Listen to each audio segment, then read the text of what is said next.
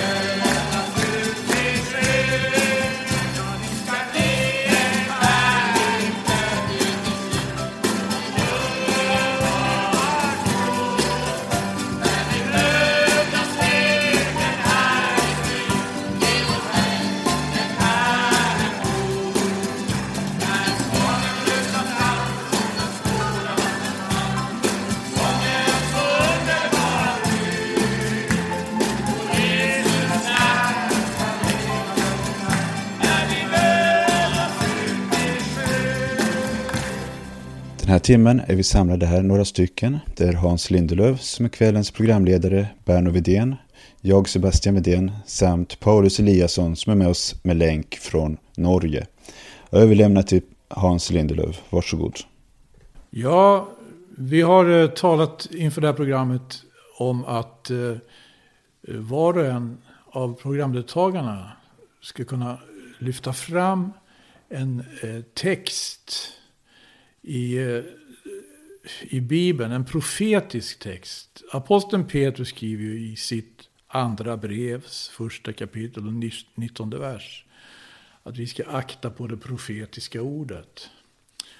Och eh, jag hade föreslagit en text här, Paulus har föreslagit, eh, Sebastian har indirekt föreslagit. Och jag lämnar fritt för Berno att dyka in med det som du Eh, Eh, känner i programmet mer spontant. Då. Men jag har faktiskt funderat på vad, vad, som sker nu i världen, vad som sker i tiden. Och inte minst det som sker i Amerika. Och då undrar man ju ibland, Amerika som är så väldigt dominerande världsmakt och som präglat samtiden på så många olika sätt. Finns inte Amerika omnämnt i Bibeln? Eh, faktiskt finns inte omnämnt. Länder, kulturer finns omnämnda som vi också har, eh, eh, kan, kan läsa om i historieböckerna. Men Bibelns profeter, de fick ju se eh, syner som avslöjade andliga realiteter. Som, även fast det utspelades saker och ting i den historiska aktuella verkligheten så fick de se någonting mer. De fick se bortom det som skedde på så att säga, ytan. Och de fick se de andliga storheterna. Eller de andliga, om vi säger som så, eh, realiteterna som gjorde sig gällande i, i, i det historiska skeendet. Och eh, när jag läser profeten Hesekiel och när jag läser budskapet om Tyrus så finner jag verkligen, tycker jag, eh, någonting som jag, jag, jag, tycker jag känner igen det här i dagens Amerika. Inte bara Amerika.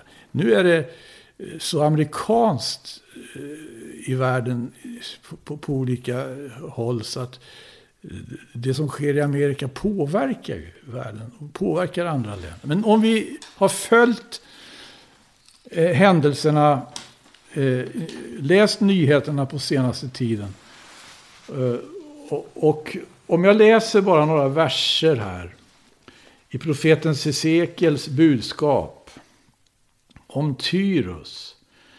Så, så, så undrar jag om inte eh, vi har anledning att reflektera lite. Det står så här i Hesekiels eh, bok kapitel 26 och vers 3. Därför säger Herren, Herren så. Se, jag ska komma över dig, Tyrus. Och jag ska upphäva många folk mot dig, liksom havet upphäver sina böljor. Det är tredje versen.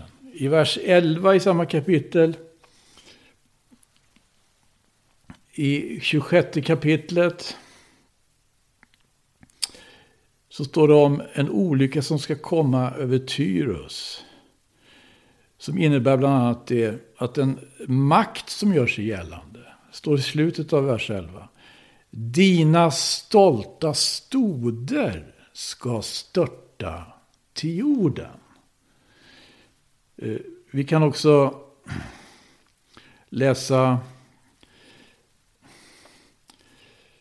femte versen femtonde versen. Så säger Herren, Herren till Tyrus, sannerligen vid dånet av ditt fall, när det slagna jämrar sig, vid det att man dräper och mördar i dig, ska havsländerna bäva. Och eh, i vers 19 står det på det här sättet. Ty så säger Herren, Herren, när jag gör dig till en ödelagd stad, lik någon stad som ingen bebor. Ja, när jag låter djupet upphäva sig mot dig och de stora vattnen betäcka dig. Vad vi bevittnar är alltså upplopp. Vi bevittnar alltså stora folkskador. Det är inte bara, men det är faktiskt Amerikas förenta eh, 50 stater. Och likadant i Europa, stora folkskaror översvämmar gatorna. Och då kommer man på något sätt, eh, på ett sätt som jag tycker eh, får, får, stämmer med det här ordet. När jag låter djupet upphäva sig mot dig. Det är ett väldigt djup som nu upphäver sig. Det som att gator översvämmar. Det kommer, det kommer inte utan en, ett, ett, ett djupt, om vi säger historiskt, en, en historisk tragedi. Som, som är väldigt levande för just de svarta. Och nämligen slaveriet. De som formulerar någonting av vad det här handlar om. Eh, de påminner om slaveriet. De påminner om att det var 400 år sedan som de första slavarna fördes från Afrika till Amerika. Och det var europeer som var engagerade i det här. Vi kan se, vi bevittnar Eh, stoder faller. Man fäller alltså monument, statyer som föreställer Kristoffer Columbus. Som föreställer eh, kung Leopold och andra aktörer som var med liksom. Och eh, eh fram eh, och, och, och befrämjade det här med slaveriet. Det finns mer här i profeten Hesekiel. Men eh, jag, jag märker ju att eh, det finns ju saker som sägs i Bibeln även om andra stora länder och kulturer som vi, vi ska ju lära av. Vi ska ju lära av vad som har skett i historien vi ska, och vad Bibeln talar om. Där Bibeln talar om stora kulturers uppgång och fall. Det är ju de bakomliggande orsakerna till... Det finns en andlig, det finns en andlig lag. Och den som Bibeln formulerar väldigt tydligt, det är högmod går före fall. Och nu vill jag inte bara sitta och peka på Amerika. Vi har sannerligen anledning att kanske begränsa oss till situationen i vårt eget land. Vårt eget land är präglat på många sätt av Amerika. Amerika har verkligen gjort sig gällande. Men idag så är amerikaner och andra länder väldigt kritiska mot oss. Eh, på det sätt som vi hanterar till exempelvis coronakrisen, på det sätt som vi hanterar eh, som i dagarna blev aktuellt med Palmemordet. Det finns kanske skäl framförallt att kritisera oss. Men jag tänker nu på det som det är medialt uppmärksammat. Jag tänker på hur mitt under coronaviruspandemin plötsligt exploderar de här demonstrationerna och protesterna. Nu har jag försökt eh, se vad rör sig egentligen i kärnan, innerst inne i det här. Och jag tycker mig ha upp, uppfattat vissa röster som kanske är representativa på både gott och ont. Men framförallt nu, bibelordet. Ja, då hejde jag mig lite grann. Jag lämnar över lite kanske, så ni får säga, kommentera det här. Eh, Hans, jag, eh, en eh, fundering. Eh, du, du, nämner här om de här stora protesterna då som finns och hur slaveriet från främst då Afrika eh, talar om det här förtrycket mot svarta. Och det är, det är skrämmande att läsa. Man har, man har ju följt vissa personer historiskt då, som har, man har läst om. Som har speglat just hur hemskt slaveriet var då kanske främst i USA, Centralamerika, också nere i Sydamerika.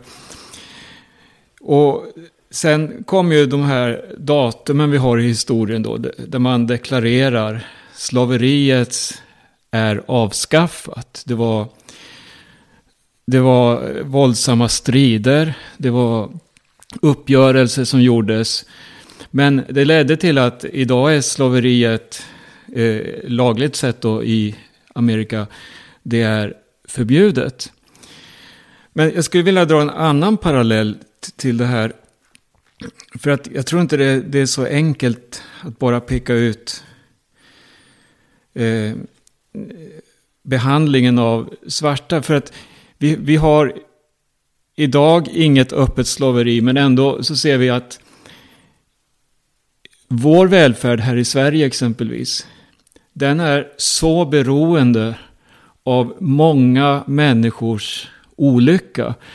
Att de måste arbeta under slavliknande förhållanden för att vi ska kunna få kunna bibehålla vår materialism, för att vi ska kunna ha billig elektronik, billiga kläder och så vidare. Så ska vi kunna gå in på en eh, oändligt massa detaljer som är med och bygger upp vårt land, vår välfärd. Men i grund och botten så är ju det ett fruktansvärt slaveri också där. Och eh, jag tycker man ser väldiga likheter. Så också här borde det finnas en revolt hos befolkningen då. Men vi köper våra iPhones, vi, vi köper eh, billig elektronik så att säga och, och lever gott. Så hela världen är i den ondes våld, säger, säger Bibeln. Det var en reflektion på, på, på, det du sa här. Ja, och samtidigt är det ju faktiskt på det sättet att Eh, det är ju inte alltid som, som sagt som problem, problemen riktigt kan presenteras i klara verba. Det som har skett nu i Amerika har på ett sätt alltså hjälpt att formulera. Jag blev uppmärksam på att hjärtat i den här proteströrelsen, Black Lives Matter, jag vet inte om alla som deltar i riktigt är medvetna om att det finns en medborgarrättsrörelse som uppstod på 60-talet. Eller redan innan dess väl. Som förde fram Martin Luther King. En, en baptist. Och det är fortfarande så.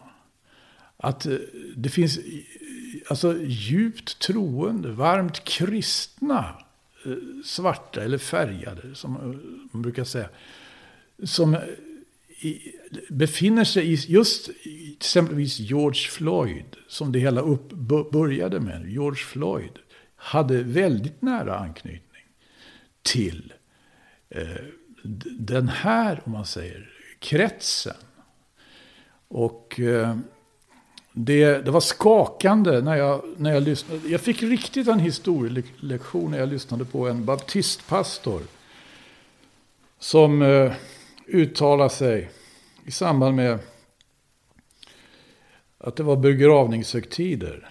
Det var ju faktiskt inte mindre än tre begravningshögtider som de höll efter varandra. Då så många som möjligt skulle kunna vara med. Al Sharpton dem. Eh, läste ett bibelord i den här begravningshögtiden. Det var den andra ordningen tror jag. Och kommenterade, jag vill, att, jag vill faktiskt läsa det här. Han läste från Efesierbrevets eh, sjätte kapitel, vers 10 framåt. För övrigt blir allt starkare i Herren och i hans väldiga kraft. Ikläd er hela Guds vapenrustning så att ni kan hålla stånd emot djävulens listiga angrepp. Ty den kamp vi har att utkämpa är en kamp, icke mot kött och blod, utan mot förstar och väldigheter och världshärskare som råda här i mörkret. Mot ondskans andemakter i himlarymderna. Eller på höga positioner. King James översätter det här. High places. Ta alltså på er hela Guds vapenrustning så att ni kan stå emot på den onda dagen och sedan ni har fullgjort allt behålla fältet. All skärp de fortsatte på det här sättet. Vi kämpar inte mot händelser utan sammanhang. Vi bekämpar ett institutionellt systemproblem som har tillåtits förekomma sedan vi fördes till dessa trakter. Och vi bekämpar ondska på höga platser. När man kan placera sitt knä på en människas nacke och hålla kvar det där i 8 minuter och 46 sekunder. Det är inte normalt för en vanlig medborgare och hur mycket mindre då för en polisman. Försök det när du kommer hem, att placera ditt knä på någon och hålla kvar det så lång tid. Du måste vara full av en hel del gift, full av något som verkligen motiverar dig för att pressa ned din vikt så länge och inte höra upp. Och till detta kommer att du har legitimerats av staten att bära en bricka och en pistol och samtidigt ha allt det där inom dig. Det betyder att vi har tillåtit människor att bli poliser enligt lagen som borde vara någon annanstans i samhället. Tänk att du pressar ner någon i åtta minuter som säger till dig jag kan inte andas och som vädjar för sitt liv. Men du fortsätter att pressa. Vad är det för slags mentalitet? Hur kan vi undersöka vilka slags poliser poliserna är? Och varför hamnar vi här om och om igen? Det sa till Erik Garner. Det tog strupgrepp på honom. Han sa, jag kan inte andas. Erik Garner är alltså en annan som råkade ut för något liknande som George Floyd. De tre poliserna gick fria. Ingen rättslig prövning till dess att lagen gäller och folk vet att det kommer att hamna i fängelse så kommer det att fortsätta hålla på på detta vis. För det är beskyddade av ondskan på höga positioner. Det här var bara början på hans predik. Och jag vet att när jag hörde det här så fick jag vissa associationer. Eh, det är en röst. Och man kanske kan uppleva den som väldigt... Jag vet inte hur upplever ni det här. Det, jag skulle vilja säga så här att eh, det, det finns ju en... Eh, du, du började här med att läsa profetian om Tyrus. Eh, och det finns ju i Bibeln en, en eh, beskrivning av den här andemakten som, som sätter ekonomi, rikedom, välstånd och de här sakerna framför människor. Eh, som, som föraktar det mänskliga livet och som, som eh, sätter rikedom och framgång för ett fåtal i centrum. Och där är helt klart Tyrus en representant för det där. Eh, Tyrus som historisk stad befann sig ju norr om Israel och var en handelsstad som dessutom hade den här ön, konstgjorda ön rätt utanför eh, Eh, staden som gjorde att det var liksom en trygg plats, en trygg borg och, och, och eh, som kunde bedriva handel på ett väldigt utvecklat sätt eh, och som kände sig väldigt trygga.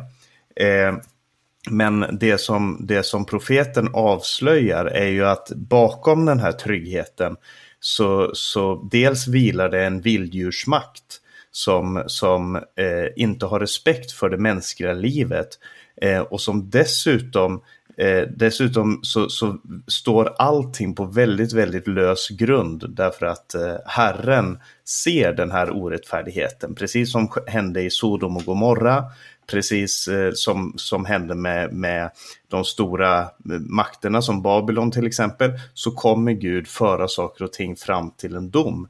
När det finns ett sånt förakt för människoliv, sånt förakt för nästan om du vill. Eh, och jag tänkte på det du sa här om Black Lives Matter-rörelsen. Där finns det ju en fara att man som kristen eh, sväljer med hull och hår en politisk linje.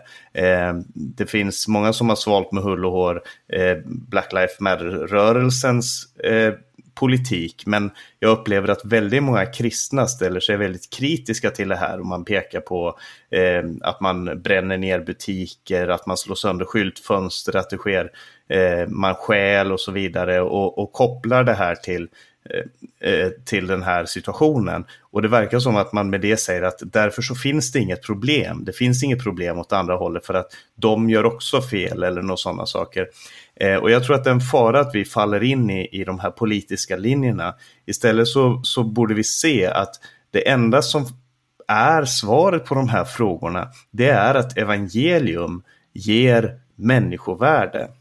Och jag tänkte på någonting som står i Uppenbarelseboken i det artonde kapitlet, därför att eh, där så står det om eh, bildligt talat Babylon. Det står om Babylon i, i kapitel 18 här och det är ju inte eh, kungariket Babylon, för det hade ju försvunnit i sedan många år. Men, men det är ett, ett billigt tal om, om eh, det, det, de riken som växer upp. Det var romarriket på Johannes tid, i vår tid så är det andra riken, makter eh, som, som dyker upp och som kontrollera människor. Och i Uppenbarelsebokens 18 kapitel och den 9 vers så står det om jordens kungar som har levt i lyx, men som får se det här mäktiga riket falla ner, får se det här ännu en gång, för man har inte lärt sig någonting av historien, men man får se ännu en gång hur, hur Babylon faller och så ropar man av skräck och vånda och säger ve, ve, du stora stad Babylon, du mäktiga stad. På en enda timme kom domen över dig, står det i den tionde versen. Och i den elfte versen så börjar de här köpmännen gråta och sörja över allting som har gått förlorat. Och det är här jag tycker att det är, eh, det, det är tydligt att Johannes försöker få ett budskap fram här. För att han börjar tala, för att de här köpmännen de gråter och så säger de åh det var laster av guld och silver, ädelstenar, pärlor, fint linne, purpur, siden, scharlakan. Det är det, här, det, det är det de är mest bekymrade för tuja-trä, föremål av elfenben, dyrbara träslag, brons, järn, marmor. Tänk allt som har gått förlorat. Eh, kanel och salvor, rökelse, myrra, parfymer, vin och olja, fint mjöl och säd, boskap och får, hästar och vagnar och människors kroppar. Och här är det intressant därför att eh, om man läser den här texten på grekiska och det finns en del översättningar som har tagit fasta på det här. Så det han kommer fram till till slut där, det är kroppar. Eh, i, eh, till exempel i International Standard Version så står det and slaves. Men det grekiska ordet är sarxos som betyder kroppar och det var det vanliga ordet man hade för de människor som man handlade med. Man kallade dem inte för människor. Man, kallade, man, man såg på dem som själlösa kroppar. Eh, och, och så kall, säger man de, de var kroppar och det var det man handlade med. Det var så man betraktade människor och det är så det, det, är den enda förutsättningen för det här slaveriet till exempel som var i Amerika och, och de efterdyningar av det som vi upplever idag. Det är att man betraktar människor som kroppar. Men eh, International Standard Version, English Standard Version och flera andra översättningar säger inom parentes så kommer det här. Det är människors själar. Mänskliga själar. That is human souls. För att den grekiska texten säger också uh, uh, uh, kroppar, det är människors själar. Och det, eh, det är ju en koppling tillbaka till första Mosebok kapitel 1 och kapitel 2 där det står att Gud inandades livsande i människan och så blev människan ett levande väsen. Och det är samma ord som används här som används i den grekiska översättningen av Gamla Testamentet. så han, Johannes säger, de har handlat, de, de betraktar människor som kroppar, eh, men det är mänskliga själar. Och, och det tror jag är den stora en av de stora anledningarna till att fallet kommer över en civilisation som har en sån inställning till människor. Och det är både det som får en människa till att sätta sitt knä på, på en annans hals och ignorera hans nödrop. Jag kan inte andas, jag kan inte andas. Och det är det som får människor att skövla, förstöra och, och, och bryta ner eh, någonting, deras grannars eh, arbete, deras grannars arbetsplatser och så vidare. Och det är det som får människor att istället för att kärleksfullt gå in i dialog, samtala med varandra, försöka hitta lösningar, be om förlåtelse, be om upprättelse så går man in i de här politiska lägren och så kastar man sten både billigt och bokstavligt på varandra. Jag tror att det kommer en dom, precis som det kom över Tyrus, precis som det kom över Babylon, så kommer jag, precis som Johannes profeterar om här, så, så finns det en dom. Men det finns också en kallelse till omvändelse för de människor som är i Babylon. Du citerar från Uppenbarelsebokens 18 kapitel. Ja. Det är ju mycket som påminner om Uppenbarelsebokens 18 kapitel i Hesekiels 27 kapitel. Det kapitel som följer på det som jag läste några citat ifrån. Det är också allt det här, eh, alla de här varorna. Va? Och, det, och den här handeln. Det, det är ett ord som återkommer här. Du drev handel. Du drev köpenskap. Eh, det var trälar, det var kopparkärl, det var vagnshästar, det var ridhästar och det var mulåsnor. Det var alla dessa varor, också träslag och det var Eh, ädla stenar. Det räknas upp i Hesekiels 27 kapitel. Och samma eh, märkligt nästan eh, reaktion hos makthavarna, hos sjömännen. Står också om här.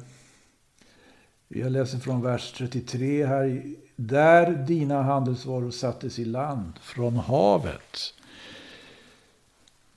Mättade du många folk med ditt myckna gods och dina många bytesvaror riktade du jordens konungar.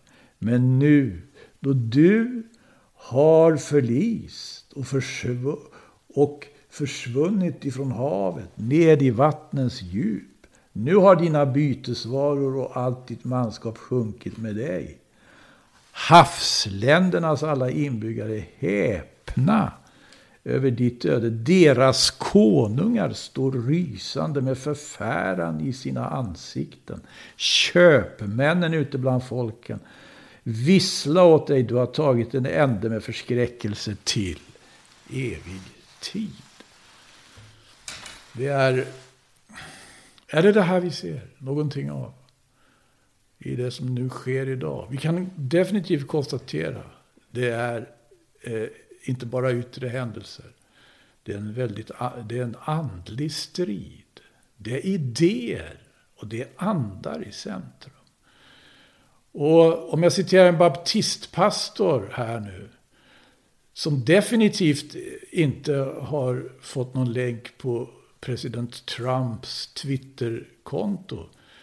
Så kanske jag ska citera en italiensk ärkebiskop som Trump eh, länkade till eh, och uttryckte att han kände sig väldigt hedrad.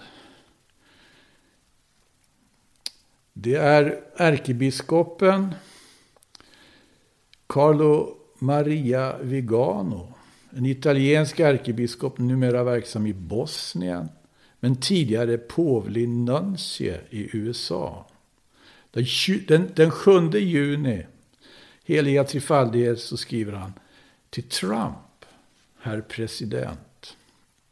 De senaste månaderna har vi bevittnat formationen av två varandra motsatta sidor som jag skulle vilja kalla bibliska. Ljusets barn och mörkrets barn. Ljusets barn utgör den mest iögonfallande delen av mänskligheten. Medan mörkrets barn utgör en absolut minoritet. Och ändå är det förra föremål för någon slags diskriminering som placerar dem i ett läge av moralisk mindervärdighet i förhållande till sina motståndare. Vilka ofta innehar strategiska positioner i regeringar, i politiken, inom ekonomin och i media. På, en uppenbart oförklarlig, på ett uppenbart oförklarligt vis har det goda tagits som gisslan av det onda och av det som hjälper dem av egenintresse eller rädsla. Dessa båda sidor har en biblisk natur och följer den klara åtskillnaden mellan kvinnans säd och ormens säd. Å ena sidan har vi de som oaktat det har tusen defekter och svagheter motiveras av en önskan att göra gott, att vara ärliga, att bilda familj, att delta i arbete, att bidra till deras hemlands blomstring, att hjälpa de behövande och i lydnad för Guds lag ärva himmelriket.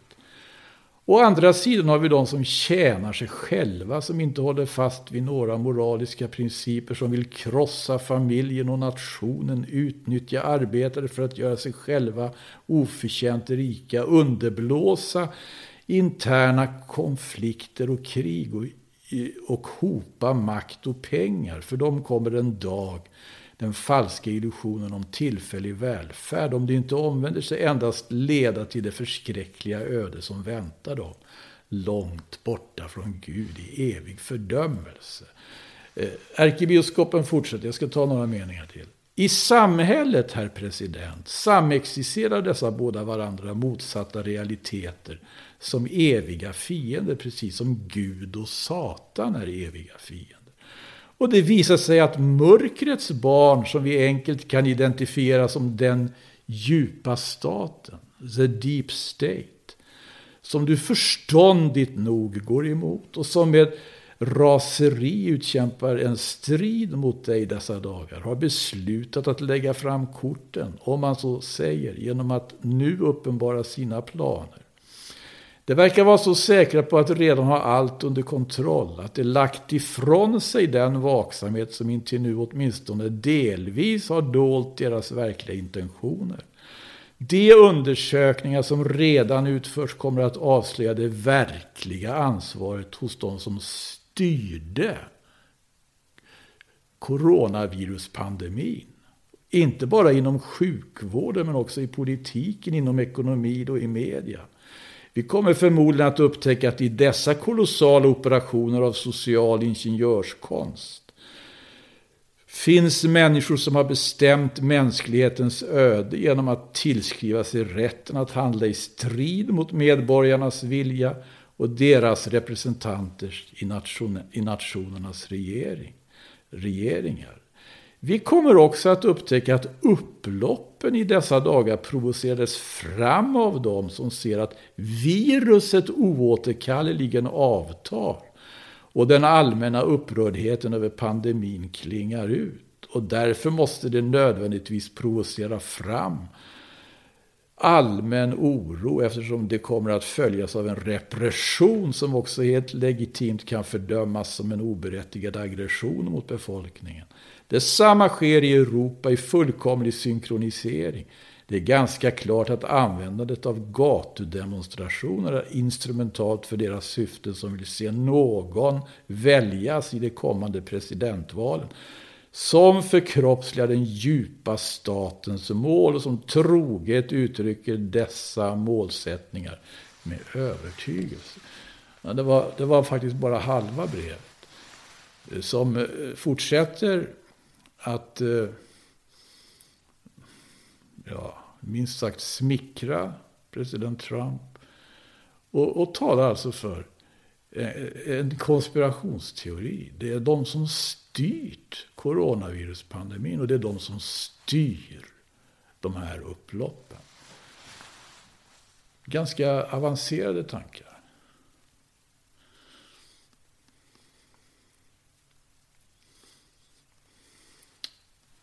Det är bara ett till exempel på en djup andlig konflikt. En, en andlig strid. Och vi har sett på vad profeterna har att säga om eh, hur vi kan förvänta oss att den här striden kommer att utkämpas i ändens tid. För profeterna talar nämligen om ändens tid.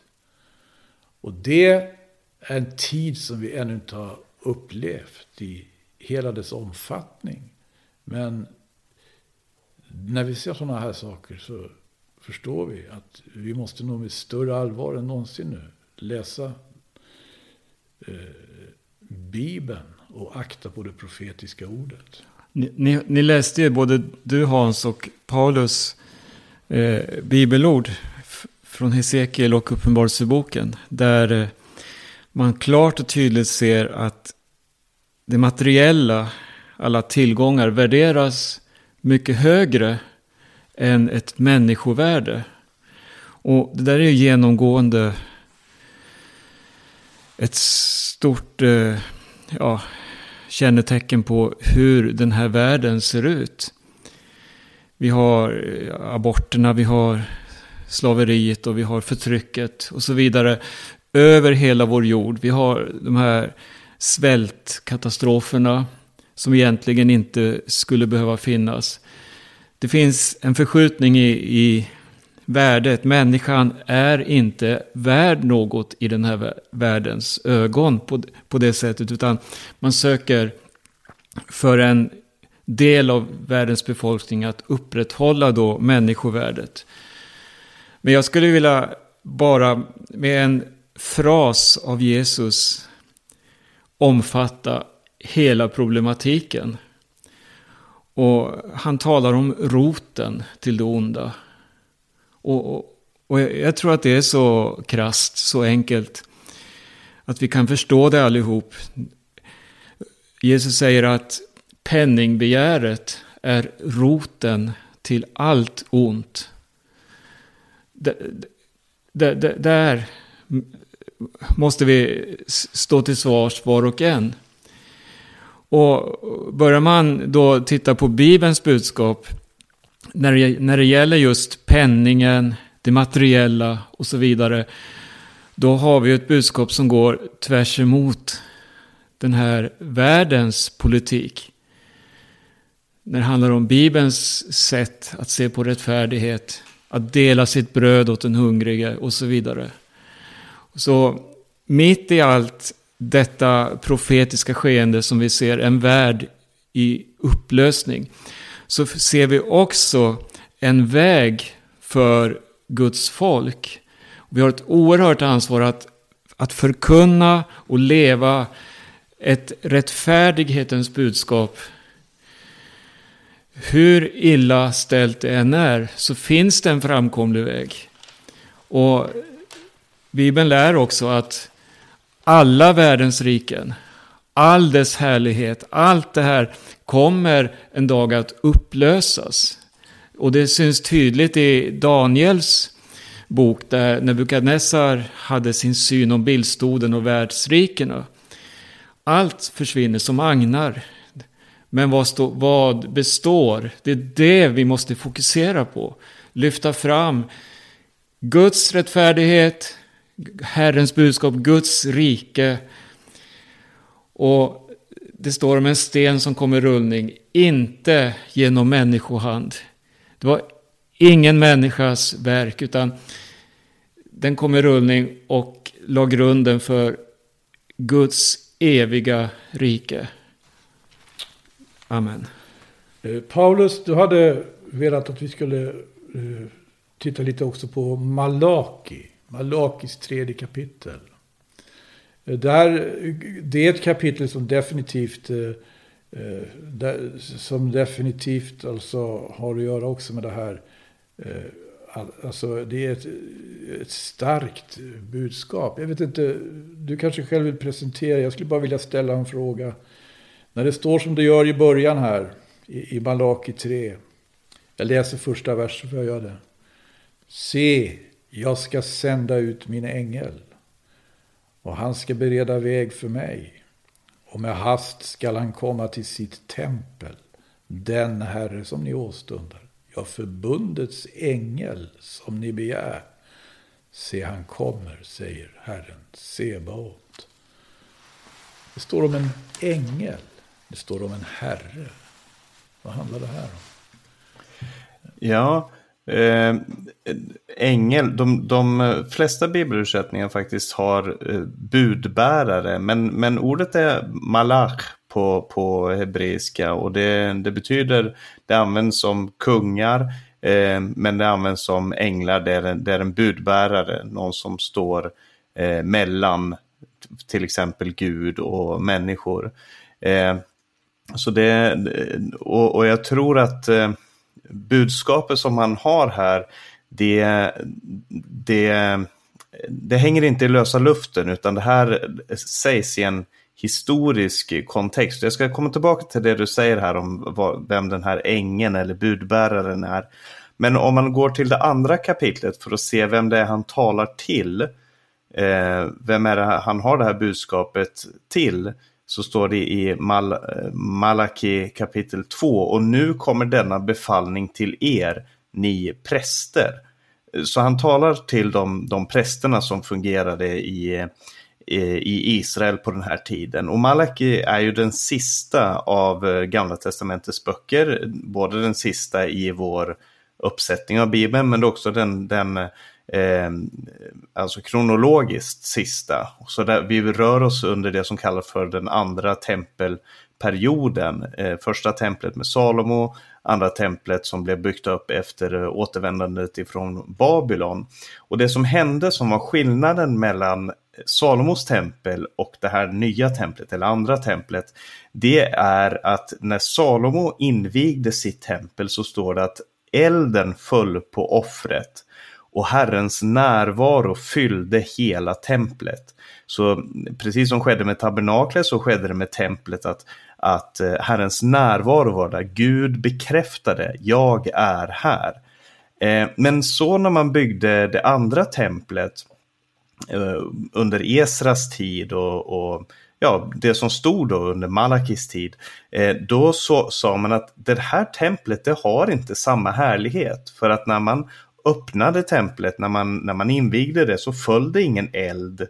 Det var ingen Herrens härlighet som fyllde templet och, och man undrade vad är det som har hänt? Var det någonting som gick fel? Byggde vi fel? Är det någonting som, som inte är som det borde vara? Och där kommer de här sista eh, profeterna in. Haggai, Sakarja, Malaki är ju framförallt de efter eh, babyloniska eh, profeterna. Det som du har nämnt här eh, tidigare, Hesekiel, han är ju en profet som talar under den babylonska fångenskapen. Men Haggai, Sakarja, Malaki talar efteråt. Och eh, så prästerna och hela folket befann sig liksom i ett slags vakuum där man, där man började utveckla en cynism inför det som Gud hade sagt. Och man sa, ah, var är Herren någonstans? Bryr han sig inte? Eh, vad, om Herren inte ser det, då kan vi göra som vi vill. Om Herren inte är i sitt tempel, varför ska vi fortsätta att tjäna honom och så vidare. Och det verkade som att Gud var tyst. Eh, och Gud hade inte kommit med sin härlighet till templet. Eh, och därför så föll prästerna in i en slags slentrianmässig tillbedjan, slentrianmässigt offrande och så vidare. Och därför så kommer han nu med ett ord till prästerna. Eh, om ni inte vill höra, om ni inte tar det till hjärtat att ge ära åt mitt namn. Det är ju det, det, eh, det här budordet som säger du, att du ska inte eh, du ska inte missbruka Herren i Guds namn. Det är det omvända av att ära Guds namn. Då ska jag sända förbannelser över er. Jag ska förbanna era välsignelser och jag har redan förbannat dem eftersom ni inte tar det till hjärtat. Det här handlar alltså om Eh, skillnaden mellan välsignelse och förbannelse. Eh, och så jag vill föreslå att man läser hela det här kapitlet, jag ska inte göra det, men idén var ju då att eh, eh de här prästerna skulle vara förmedlare av Guds liv och frid. I vers 5 så står det, mitt förbund med honom var liv och frid. Honom här, det är Levi, han som var stamfar för alla prästerna. Mitt förbund med honom var liv och frid och jag gav honom det för att han skulle vörda mig. Och han vördade mig och bävade för mitt namn. Och det som är poängen här är att de prästerna som nu var verksamma, Levis ättlingar, de vördade inte Herren. De tjänade inte honom och de hade ingen fruktan för honom. Eh, och, och, man kunde heller inte, det står i vers 7, för prästens läppar ska bevara kunskap och man ska hämta undervisning från hans mun eftersom han är en budbärare från Herren Sebaot. Men, men det fanns ingen sån budbärare, det fanns ingen sån eh, som, som kunde bära ut budskap. Och här är det samma ord som används, det här malach, som du nämnde då, eh, ängel eller budbärare. Det finns ingen som står mellan Gud och människa och kan förmedla någonting från Gud till människorna. Ni har vikit av från vägen, säger vers 8. Ni har, ni har fått många på fall genom er undervisning. Ni har fördärvat förbundet med Levi, säger Herren Sebaot. Och så kommer man fram till det här sista versen i, i vers 17 och det är det som den här profetian i kapitel 3 är ett svar på.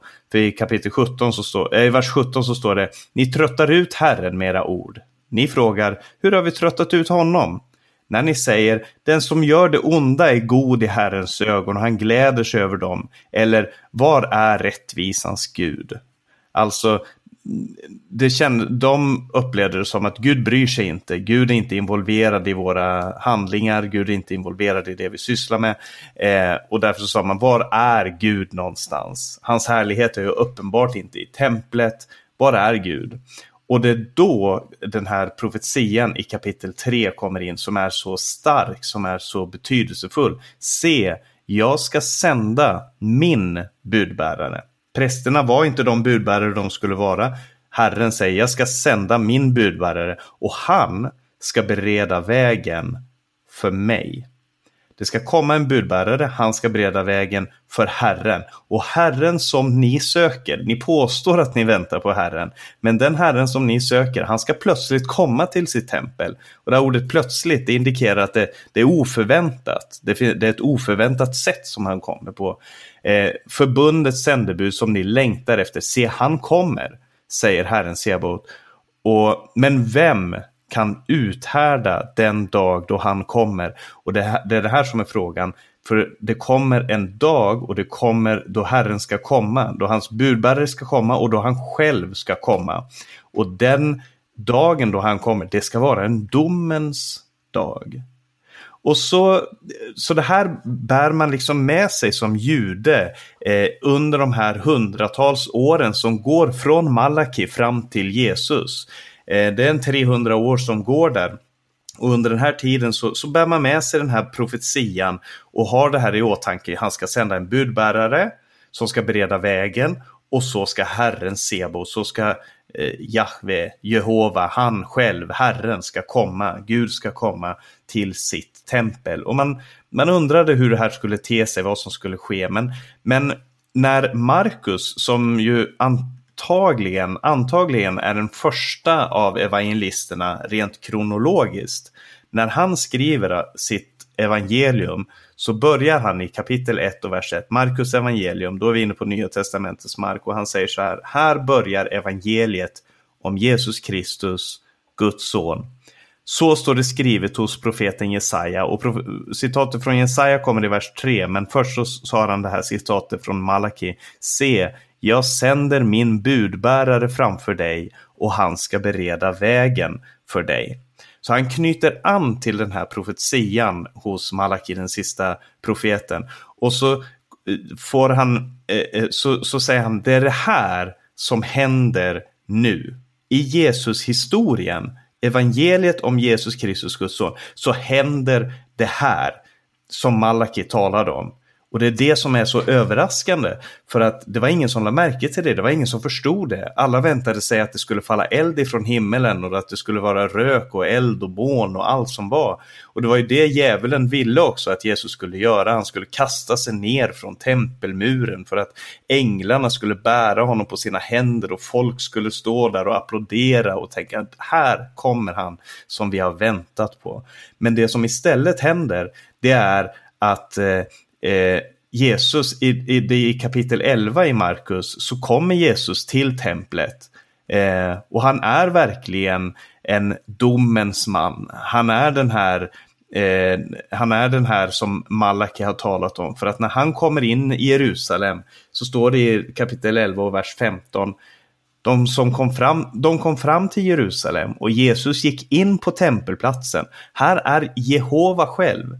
Herren Gud är i sitt tempel. Det som profeterades om, han ska komma till sitt tempel, det händer här och nu. Profetian går i uppfyllelse.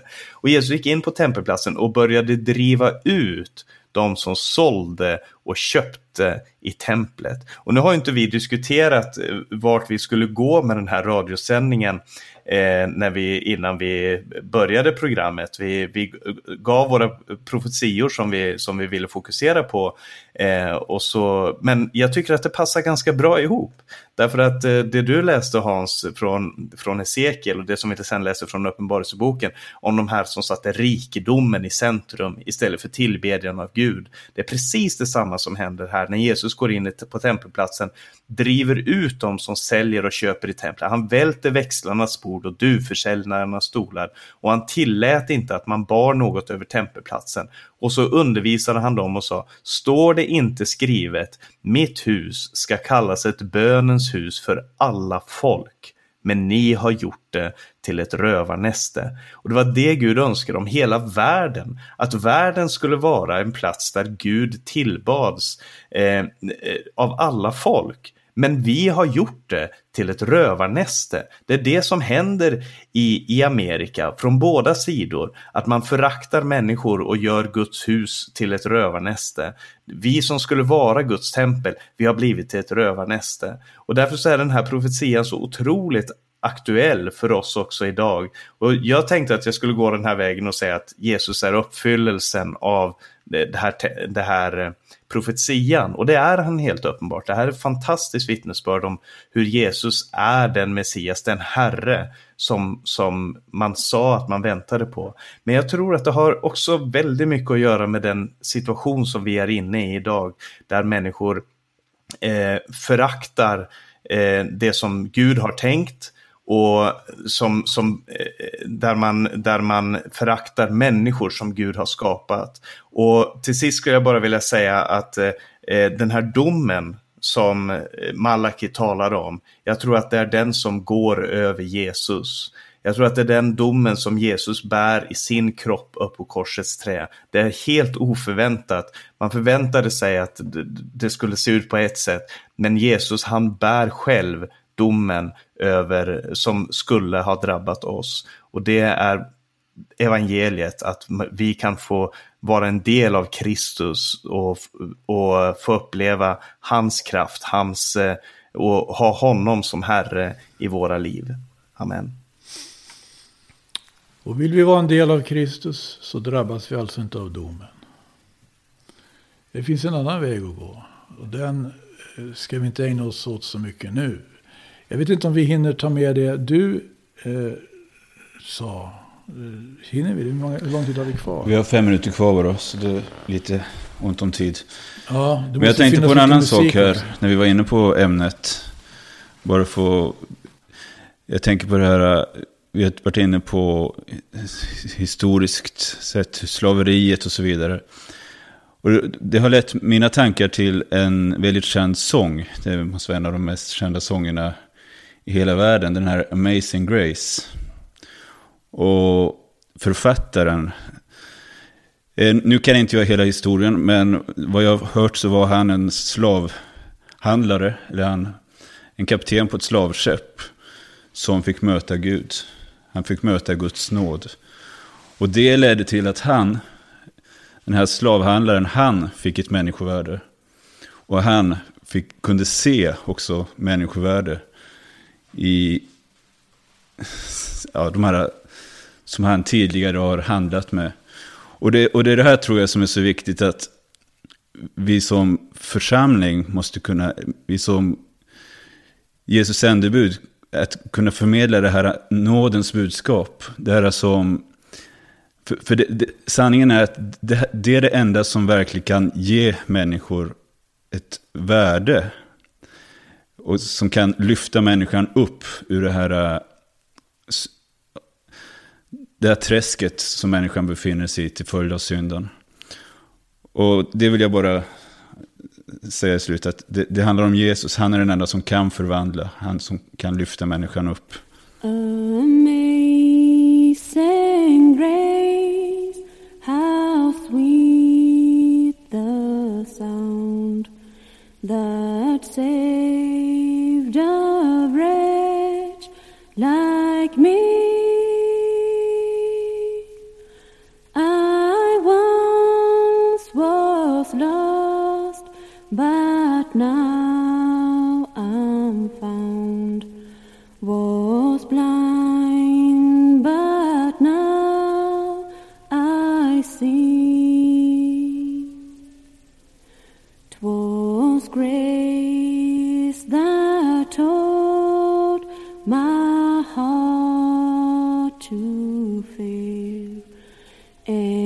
Grace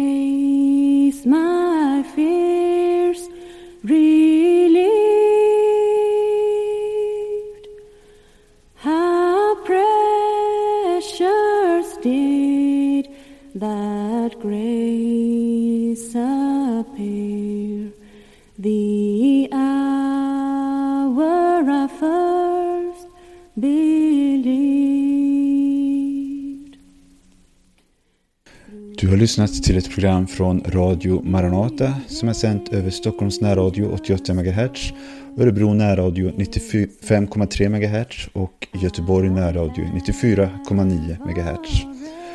Radio Maranata Stockholm och Örebro sänder varje morgon klockan 8 samt måndag och onsdag kväll klockan 18. Radio Maranata Göteborg sänder tisdag kväll klockan 21 med repris lördag klockan 15. Vill du ha mer information så är du välkommen till vår hemsida på www.maranata.se. Du kan även mejla oss på info maranata.se eller ringa oss på 070-201 60 20. Med de orden önskar jag dig Guds rika välsignelse och på återhörande i Radio Maranata snart igen. Bright shining us the sun.